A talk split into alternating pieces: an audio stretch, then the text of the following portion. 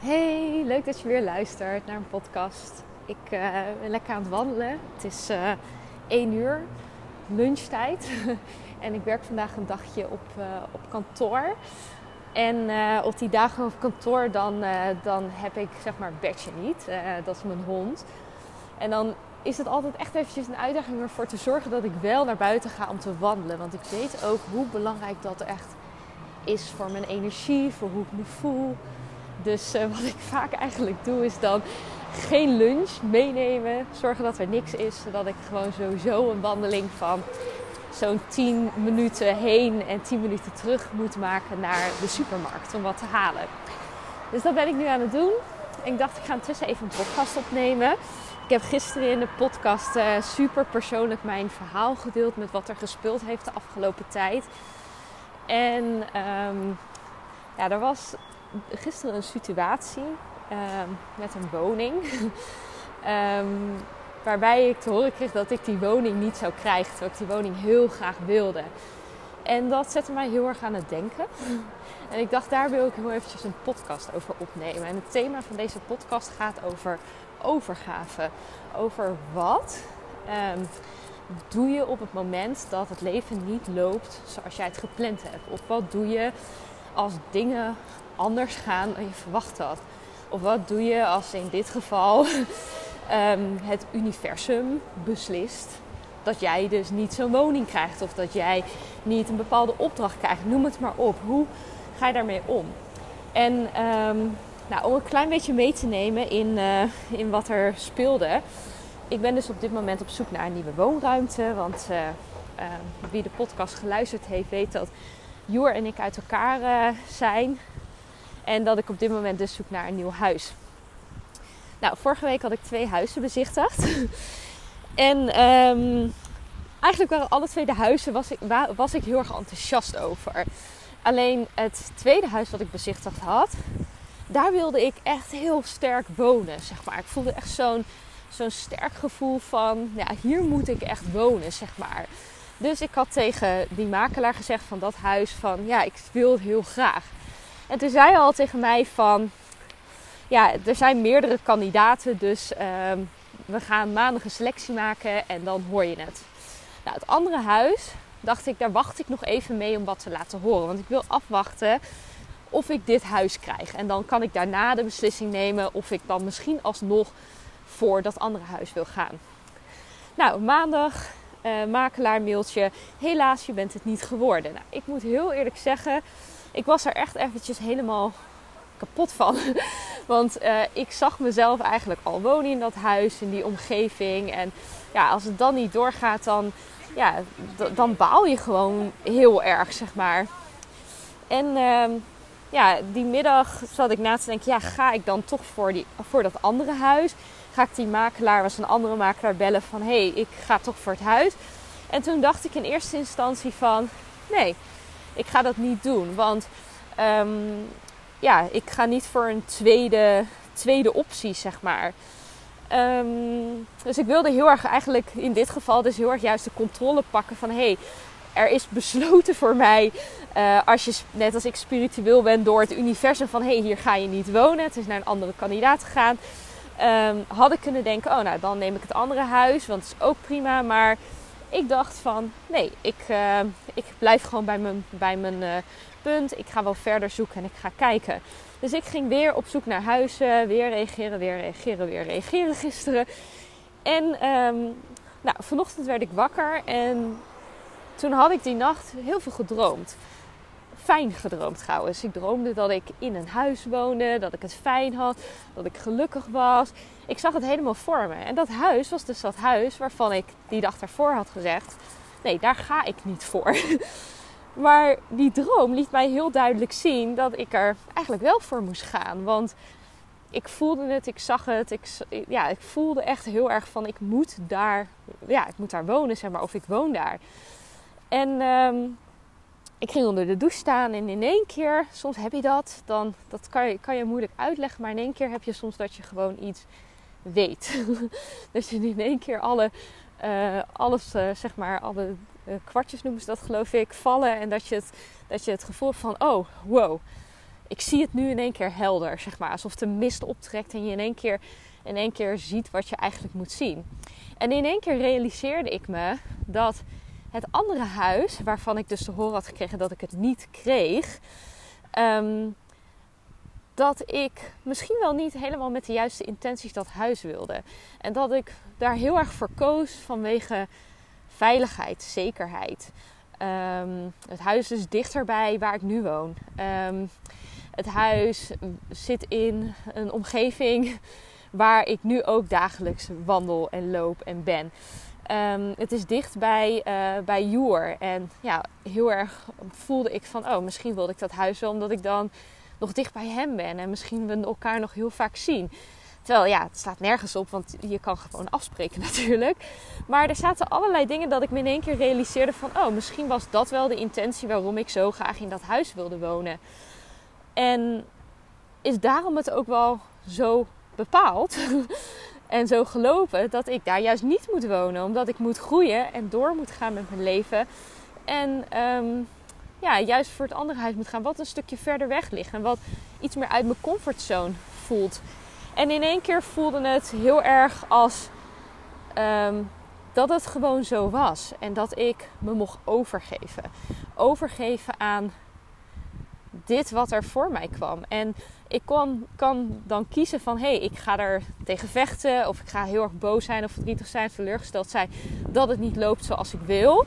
Uh, en dan inderdaad heel krampachtig op zoek naar datgene wat ik, wat, wat ik wel wil. Wat misschien wel mijn ego wil. Dus een huis op die locatie. Dat er zo en zo uitziet en noem het maar op. Want het had vooral met de locatie te maken waarom ik dat huis wilde.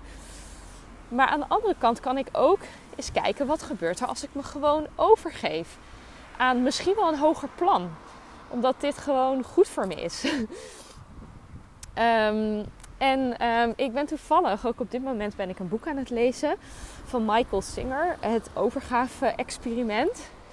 En hij heeft dat ook een periode in zijn leven gedaan. Een periode gedaan waarin hij geen um, ja, geen actieve, proactieve beslissingen heeft genomen. Geen controle heeft uitgeoefend over wat er gebeurt in zijn leven. Hij is gewoon letterlijk alles gaan doen wat er op zijn pad kwam. Dus als er een bepaalde opdracht op zijn pad kwam, dan nam hij die opdracht aan. Niet over nadenken, gewoon doen. Als er een bepaalde kans op zijn pad kwam, als een bepaald obstakel op zijn pad kwam, hij, hij leefde gewoon het leven wat zich voor zich manifesteerde. Zonder daar zelf controle op uit te oefenen. En in het boek, ik ben nog niet zo heel ver in het boek, maar als het goed is, omschrijft hij ook in het boek wat het hem ook allemaal gebracht heeft. Hoe hij daardoor juist echt enorme impact heeft kunnen maken met bepaalde bedrijven die hij opgezet heeft. Bepaalde dingen die hij, die die, uh, die die gemanifesteerd heeft. Dus ja, ik vond die gedachte ook super interessant. En um, ja, de koppeling hiermee ook, als je bekijkt naar bijvoorbeeld je bedrijf, denk ik dat we veel vaker ons mogen overgeven. Ons mogen overgeven aan dat wat is, dat wat op ons pad komt. En soms is dat iets positiefs, soms voelt dat als iets negatiefs. Maar wat als je naar alles wat er op je pad komt kijkt naar hé, hey, waar, wat wil dit mij zeggen? Wat wil dit mij brengen, brengen? Wat wil deze situatie mij misschien eigenlijk wel leren? En toen ging ik ook terugdenken in bijvoorbeeld mijn business. In momenten waarop ik echt gigantisch baalde. Omdat het niet liep zoals ik wilde. En um, ik, ik, weet nog dat het, een, uh, dat het bijvoorbeeld een keer was met, um, uh, met een bepaalde klant. Waarmee ik super veel gesprekken had gevoerd. Was trouwens nog in mijn oude business. Waarbij ik een marketing agency had. En uiteindelijk werd het er niet met die klant. Het was alles leek erop dat het hem ging worden. Dat die klant ja ging zeggen. We waren al zo ver, maar die klant zei uiteindelijk toch nee tegen het voorstel. En ik was daar toen zo, zo zuur van, weet ik nog. Dat het niet liep zoals ik wilde. En ik baalde daar zo verschrikkelijk van. Maar als ik nu achteraf terugkijk, dan realiseer ik me dat anderhalve maand later er een opdracht op mijn pad kwam die veel beter bij mij paste, die veel, veel fantastischer was, um, veel beter aansloot. En dat ik die opdracht niet had kunnen aannemen als ik met die andere klant in zee had geweest. Of ik had hele moeilijke stappen moeten zetten om weer afscheid te nemen van die klant. En dat had ik niet gedaan, want dat had tegen mijn persoonlijke waardes uh, ingegaan. Dat als ik, ja, als ik iets beloof, dat ik het na wil komen. Dus als ik dan terugkijk, denk ik, wow, dat, dat moest zo zijn. En ik kan me ook nog heel goed herinneren dat, um, uh, dat in mijn allereerste jaar, toen ik ondernemer was, toen uh, lanceerde ik uh, een Instagram cursus. Um, dat was mijn allereerste online cursus. En de eerste ronde was, um, ja, was, was, was gewoon echt een soort van fantastisch. In de zin van, het was mijn allereerste online product. En uh, ik lanceerde hem en ik verkocht daar geloof ik 60, 70 of zo. Nou, voor, ik denk dat veel startende ondernemers met online producten. Het was een cursus van 30 euro geloof ik. Of iets in die richting. Of 40 euro. Ik weet niet meer precies. Die zouden daar super blij mee zijn. Weet je wel, dat is echt een bevestiging van wow, ja, wat top. Dus toen ik drie maanden later die cursus opnieuw lanceerde, verwachtte ik van ja, ik ben gegroeid in volgers. Ik heb meer naamsbekendheid gehad. Ik heb veel betere positionering. Ik ben ook beter geworden in mezelf verkopen. Dus de verwachting was gewoon van oké, nu gaat het een nog betere lancering worden. En die lancering was, ja, weet ik nog, was echt helemaal drama. Ik geloof dat ik uiteindelijk 35 keer de cursus verkocht, geloof ik. Maar ook gewoon echt met heel hard werken, heel hard pushen, heel, ja, heel hard mijn best ervoor doen en, uh, en noem het maar op. En als ik nu weer achteraf kijk naar die situatie, op dat moment baalde ik flink. En uh, dacht ik, ja man, shit, waarom, waarom loopt het zo, weet je wel? En waarom loopt het niet anders? En wat doe ik verkeerd? En noem het maar op. Maar achteraf gezien realiseer ik me ook dat dat ook het startpunt is geweest. Van dat ik me realiseerde van, hé, hey, ik wil niet een business hebben waarbij ik constant afhankelijk ben van dat ik op Instagram stories maak en aan het promoten ben en daar heel veel tijd in steek. Met ook nog eens een keer het, het risico dat, uh, dat ik niet mijn doelen behaal. Want een van de redenen waarom het heel moeilijk was om mijn doelen te behalen in die periode was ook omdat er een verandering was in het algoritme van, uh, van Instagram. En daardoor had ik in één keer, ik denk wel 30 of 40 procent minder bereik in mijn stories. dus ja, dat heeft impact op je resultaat. En toen realiseerde ik me heel erg van wow, ik wil niet afhankelijk zijn van één kanaal waarop ik mijn promotie doe. En wat afhankelijk is van mijn inzet en tijd die ik erin doe. Maar ook nog eens een keer afhankelijk is van alleen dat platform. Als dat platform zijn of haar spelregels als het ware verandert, dan heb ik daar meteen last van.